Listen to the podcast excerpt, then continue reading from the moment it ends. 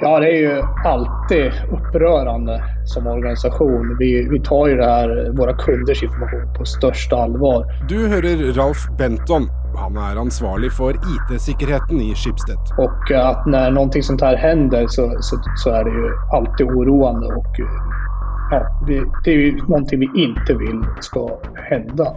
I oktober 2020 ble det kjent at hackere hadde klart å komme seg inn på 22 000 av Skipsted-kunders brukerkontoer. Lyspunktet her, om noe, er at hackerne hadde prøvd på 150 000 kontoer.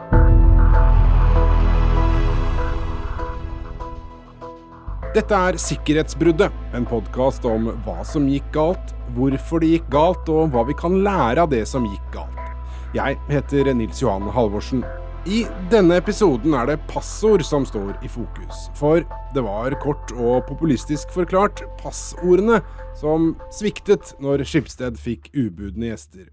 Så hva var det som skjedde? Det var eh, brukernavn og passord som var stjålet fra et eller annet sted utenfor Skipsted og som ble brukt til å forsøke å logge seg inn ulike steder. Inkludert da på Skipsted-kontoer. Ingvild Næss er direktør for personvern og datatrender i Skipsted. Og det viste seg at eh, det ble gjort mange flere forsøk enn det som faktisk eh, angriperne lyktes med å logge, logge seg inn hos oss. Og det tilsier da for oss at eh, Eh, der man lyktes, så er det typisk da snakk om brukere som benytter eh, samme passord på ulike tjenester. Eh, så noe av det viktigste vi eh, gjorde i den situasjonen, var jo rett og slett da å gå ut med råd til brukerne våre om at dere bør Vi har resatt passordet hos oss, hos dere. Men dere bør virkelig tenke over hvor dere ellers benytter dette passordet, og dere bør ikke benytte samme passord på ulike tjenester. Og der har du det. Og dere bør ikke benytte samme passord på ulike tjenester. Hvis du ikke er en av de mange som synder på dette området, ja, så kan du klappe deg sjøl på skuldra. Alle vi andre har en jobb å gjøre. En jobb som litt pompøst sagt handler om mer enn oss selv. Vi vet alle, vi hører, leser om det her hele tiden. Man skal ikke anvende samme passord på, på flere steder. Man skal ha sterke passord, man skal byta password och så og enda ändå så är det onekligen, precis som Ingrid säger, den här incidenten påvisar att det är ganska många som faktiskt använder samma password på flera ställen. Och det är ju väldigt svårt för oss att, att, eh, att det här. Vi kan ju tvinga på passwordbyten och sådana saker. Och det gjorde vi också i den här händelsen eh, för att skydda användarna. Men eh, att få samhällets medborgare att faktiskt höja sin egen säkerhet, cybersäkerhet, så, så, så måste de ju faktiskt ta ansvar själv för att byta sina password och se till att inte använda samma på flera ställen. Så det, där tycker jag är en frustration och det tycker jag då är väldigt viktigt att vi i både norska och svenska samhället och, och övriga i världen egentligen verkligen hjälper varandra att förstå hur allvarligt det kan bli om man inte eh, faktiskt tar det her med password på, på allvar. Handler eh, IT-sikkerhet og, og, informasjonssikkerhet i stor grad eh, om brukerårvåkenhet? Absolut, det tycker jeg. Vi måste, vi måste ju ta hand om, eh, ja, hjälpas åt att skydda eh, vår information. Eh, vi kan ikke ta for givet at att olika tjenester vi använder kan ta det fulla ansvaret. Utan vi måste tillsammans. Har jag ett password för att skydda på, på en tjänst så, så måste jag se till att det passwordet är tillräckligt starkt för att jag ska känna mig trygg för att använda den tjänsten. Sen förväntar jag mig självklart, och det ska man göra även med Schibsted-tjänster, att vi har säkerheten på plats för att skydda den informationen som, som vi delar. Jeg er helt enig i det Ralf sier. og så tenker jeg at Noe av det som gjør det krevende eh, for oss her, er jo det at sant, sikkerhet er kjempeviktig. Men vi må jo til enhver tid eh, klare å levere brukervennlige løsninger dette her skal funke i praksis for, eh, for, eh, brukerne våre. Når man på en måte sitter og diskuterer hendelser som den her isolert, så virker det jo på en måte ganske sånn dead giveaway at selvsagt er sikkerhet viktig. Men vi ser jo det at liksom i dagligde så er det hele tiden sånn balanseganger vi må gjøre for å klare å lage de gode løsningene, da. Sikkerhetsbruddet er laget av HP Norge. HP Elitebook Dragonfly G2 er PC-en som passer perfekt for moderne norske bedrifter. Den har et lett og stilig design, Windows 10, og er blant verdens sikreste PC-er, med HPs unike sikkerhetsløsning, HP Wolf Security. I tillegg har den HP Fast Charge, som lader batteriet til 50% på bare 30 minutter. Moderniser virksomheten din. Windows 10 Pro-enheter. Med 5G-tilkobling får de ansatte muligheten til å jobbe raskt og sikkert, uansett hvor de er. Finn ut mer på hp.no. Ok, da skal vi ringe opp uh, Per Torsheim, som er, uh, ja, helt korrekt, security og governance manager bank-ID. Uh, han er passordekspert, da, sånn, i tillegg til å, å være sikkerhetsekspert. Og så skal vi også få med oss Tor Petter, selvfølgelig. Tor Petter Abrahamsen, som er HPs sikkerhetsekspert. Sånn er det jo innimellom i våre dager at uh, ting skjer digitalt og kommer via internettet, forhåpentligvis i sikre former. Skal vi se om vi får ringt opp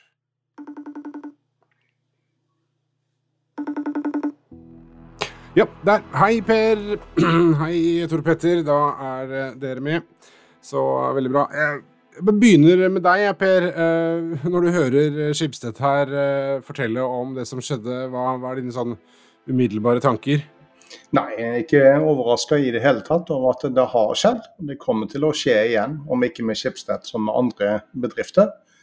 Eh, fremgangsmåten er veldig vanlig og har eksistert lenge. Man bruker brukernavn og som har blitt kompromittert andre steder ute på nett. ligger lister ute med flere milliarder brukernavn, passordkombinasjoner. Og så prøver man å logge seg på med de automatisk mot uh, ulike tjenester, og i dag i dette tilfellet Skipsted. Det jeg ikke helt som menigmann forstår er, eh, som du nå sier, og som Skipsted også sa, at disse passordene og brukernavnene kommer fra andre altså hendelser. Hva, hva betyr det? Vi vet ut ifra veldig god forskning gjennom mange år at en 60-70% av oss gjenbruker passord på tvers av ulike tjenester. Uh, altså vi bruker det samme passordet. Eh, og vi bruker de også på kryss av jobb og private tjenester. Og eh, Det som er eh, et av mange fakta her i verden, er dessverre sånn at tjenester ute på nett de blir hacka. Når de blir hacka, så er noe av det som da hackerne går etter, det er å få tak i folks brukernavn, som da typisk er din mailadresse, og det er jo ikke noen hemmelighet, og passordet ditt. Eh, og Det vil da bli gjenbrukt av hackerne for å prøve å komme seg inn på andre tjenester som da har større økonomisk verdi for deg, eller også har en verdi for deg som gjør at hackerne kan bruke det for utpressing mot deg. F.eks. adgang på Instagram og TikTok-profilen din. Her er det da altså eh, hackere, kriminelle, som sitter med en svær liste over brukernavn og passord, som de bare da Uh, med en eller annen uh, bot uh, spyr ut på forskjellige brukersteder? Ja. Det er, er programvare tilgjengelig for å gjøre det i dag, både kommersielt til salgs fra hackere, men også gratis. Eh, dette med at folk eh, blir hacka pga. dårlige passord, eh, som det er mange ulike og gode grunner til, det er jo ikke, er jo ikke noe nytt. En fantastisk bok skrevet av Cliff Stoll som heter 'The Cuckoo's Egg' fra 1987 beskriver vellykka hackerangrep mot amerikansk infrastruktur gjennom et universitet hvor han jobba den gang. Og Der skrives da sånne ting som at Folk som har slutta, har fortsatt ikke fått sin konto fjerna på systemet. De har dårlige passord, de har ikke bytta passord osv. Og, så og det blir utnytta. Det var i 1987, eh, og de samme triksene fungerer strålende den dag i dag. Tor Petter, eh, dine tanker? Dette er kjent. Vi, vi opplever jo det at eh, våre kunder, og, og, vi ser det generelt ute i, i vår verden, at uh, Eh, det å ha et uh, proaktivt forhold til denne problemstillingen, det er det faktisk mange som ennå ikke har tatt inn over seg. Uh, og ikke minst så ser vi det at moderne teknologi i dag legger veldig godt til rette for å forsterke sikkerheten betydelig i forhold til disse tradisjonelle passordproblemstillingene. Men viljen og på en måte kompetansen til å ta i bruk denne nye teknologien som, som blir lagt opp i hendene til, til, de sikkerhetsansvarlige og bedriftene der ute, den er faktisk eh, mangelfull, vil jeg påstå. Så, så vi ser at eh, bare ved det faktisk å ta i bruk det man har tilgjengelig allerede av teknologi, og bruke den aktivt og proaktivt, det vil forsterke sikkerheten betydelig. Det er rart det her. Som Tor Petter påpeker, bare det å ta i bruk løsninger vi allerede har, vil gjøre mye. Og så har vi hørt IT-sikkerhetssjefen og personverndirektøren i Skibsted si det. Vi vet at vi ikke bør bruke samme passord på flere tjenester.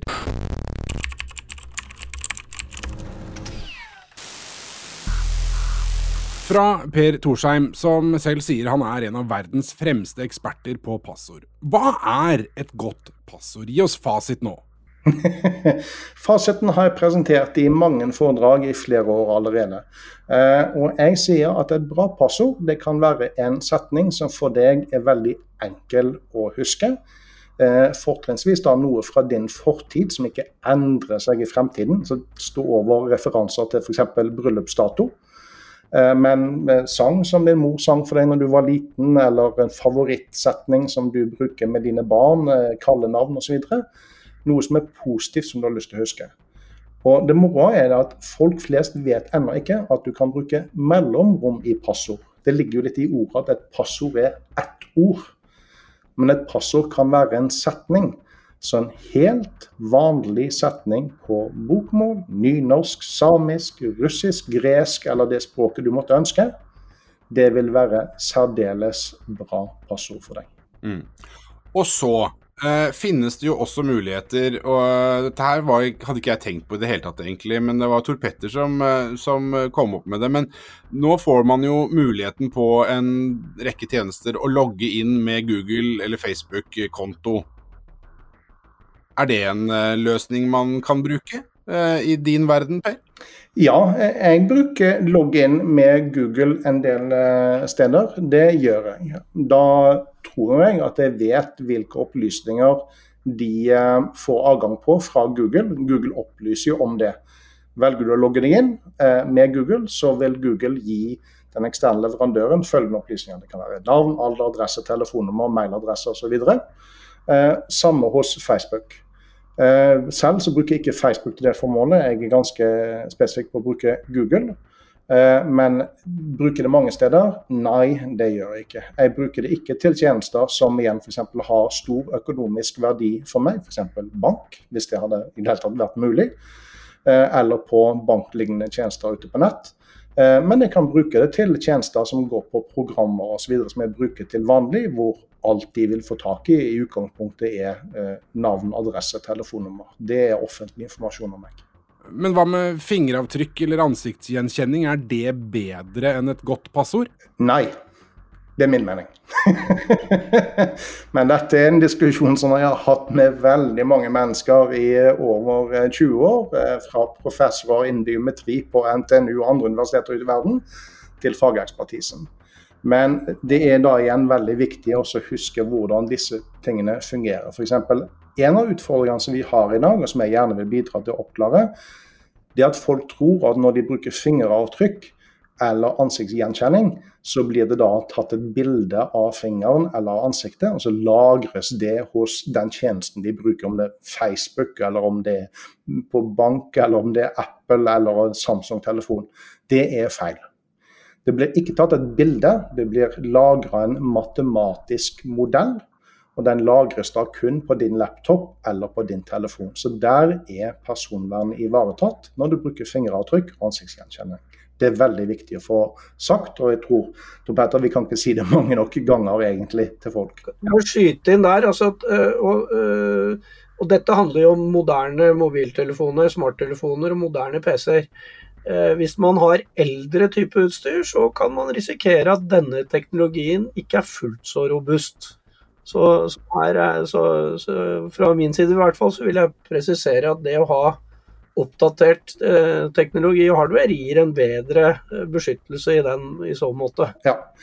Eh, det er også en del andre utfordringer på dette. Eh, når du i dag på en mobiltelefon eh, bruker ansiktsgjenkjenning eller fingeravtrykk, så bruker telefonen fortsatt PIN-kode eller passord. Hvis du har en iPhone, så kan jeg bare sveipe til siden forbi ansiktsgjenkjenningen din eller fingeravtrykket, og så kan jeg prøve å gjette din PIN-kode.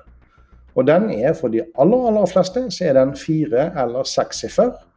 Og der igjen finnes det mange års forskning på hvilke PIN-koder folk velger. Men der hvor da ansiktsgjenkjenningen eller fingeravtrykket hjelper, det er jo det at det gir jo mye bedre brukervennlighet for deg i hverdagen. Og der sier Per Torsheim noe viktig. For det er nok en oppfatning om at sikkerhet og brukervennlighet ikke er spesielt gode venner.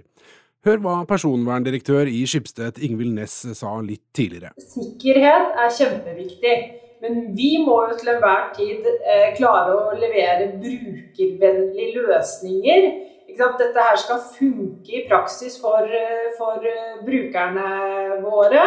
Og det er nok en oppfatning veldig mange deler. Men et eh, perspektiv du kanskje ikke har tenkt på, er dette. Sikkerhet behøver jo ikke være noe som hindrer heller, utan har man denne dialogen og gjør denne balanserte avveiningen, så kan faktisk sikkerheten også være noe som, som er en enabler, som vi bruker si på svengelska. Altså noe som faktisk muliggjør både bra anvenderopplevelse og en sikker opplevelse. Så att om man tar det här på allvar så är säkerhet är inte binärt att eh, det ska vara av eller på utan det faktiskt går att hitta nyanser av säkerhet och det är precis det Ingvild säger om jag får tolka det. Eh, det är att, att vi, vi diskuterar dagligen hur långt ska vi gå, vilken typ av information är det handlar om, hur mycket säkerhet ska vi lägga på för att vi ska hitta den här nivåen. Sa Chief Information Security Officer i Skipstedt, Ralf Benton. Og hør hva Per Torsheim sier. Vi har fortsatt en utfordring i at den vanlige forståelsen av sikkerhet det er at det er til hinder for brukervennlighet. Det å klare å snu den oppfatningen der litt mer i retning av at bedre sikkerhet kan bidra til, eller skal bidra til bedre brukervennlighet, er viktig å få til. Det er løsninger på markedet for det. De løsningene har vært der i mange år. Men nok en gang, kunnskapen til at det finnes, kjennskapen til det å sette det opp, og det å klare å få til regnestykket til at dette si, lønner seg, det tar veldig lang tid å få gjennomslag for. Det tar lang tid å få gjennomslag. Internett har eksistert i mer enn 30 år, men fortsatt altså er det som Tor Petter Abrahamsen beskriver her? Det hører vi jo stadig i, i, vi som er litt opptatt av sikkerhet, er jo at mangelen på sikkerhetskompetanse rundt i bedriftene, det er ganske betydelig. En ting som i hvert fall jeg har opplevd i mange sammenhenger, er denne på en måte kulturproblematikken i, i hvert fall i de litt større virksomhetene mellom IT og sikkerhet. Eh, det å eh, på en måte gi eh, de som er ansvarlig for infrastruktur og IT-drift, på en måte den kompetansen at de også blir ansvarlig for sikkerheten, den er, den er Der er en del vei å gå fremdeles for å komme dit at de, de får på en måte den ansvarsfølelsen i forhold til drift av IT-systemer. Eh, veldig mange bedrifter har faktisk forskjellige mennesker, roller, som er ansvarlig for sikkerhet og for IT-drift. Og eh, sånn Litt flåste kan vi jo da si at uh, en som jobber på IT-drift, han er selvfølgelig veldig opptatt av at ting skal være enklest mulig og ha en mest mulig behagelig arbeidsdag. Og selvfølgelig det å ta i bruk uh, komplisert, teknologi, sette seg inn i ny teknologi, det, det, det er jo ofte krevende. Og Hvis man da ikke har det ansvaret for den uh, sikkerhetsdelen på en måte i, i, sammen med driftsoppgavene, så kan det ofte bli på en måte en, en, uh, en terskel da, for, å få, for, å få, de rette menneskene til å gjøre de rette, eller ta de rette, det rette ansvaret i bedriften. Her er det altså fortsatt ting å ta tak i. Avslutningsvis så skal du få med deg noen gode råd fra sikkerhetsekspert Per Torsheim. Tusen takk for at du hørte på Sikkerhetsbruddet. Passordet ditt skal være en kort, enkel setning, positivt, gjerne noe fra fortiden som er lett å huske. Skriv de ned på papir, så anbefaler jeg også på det aller varmeste å bruke det som heter tofaktorautentisering.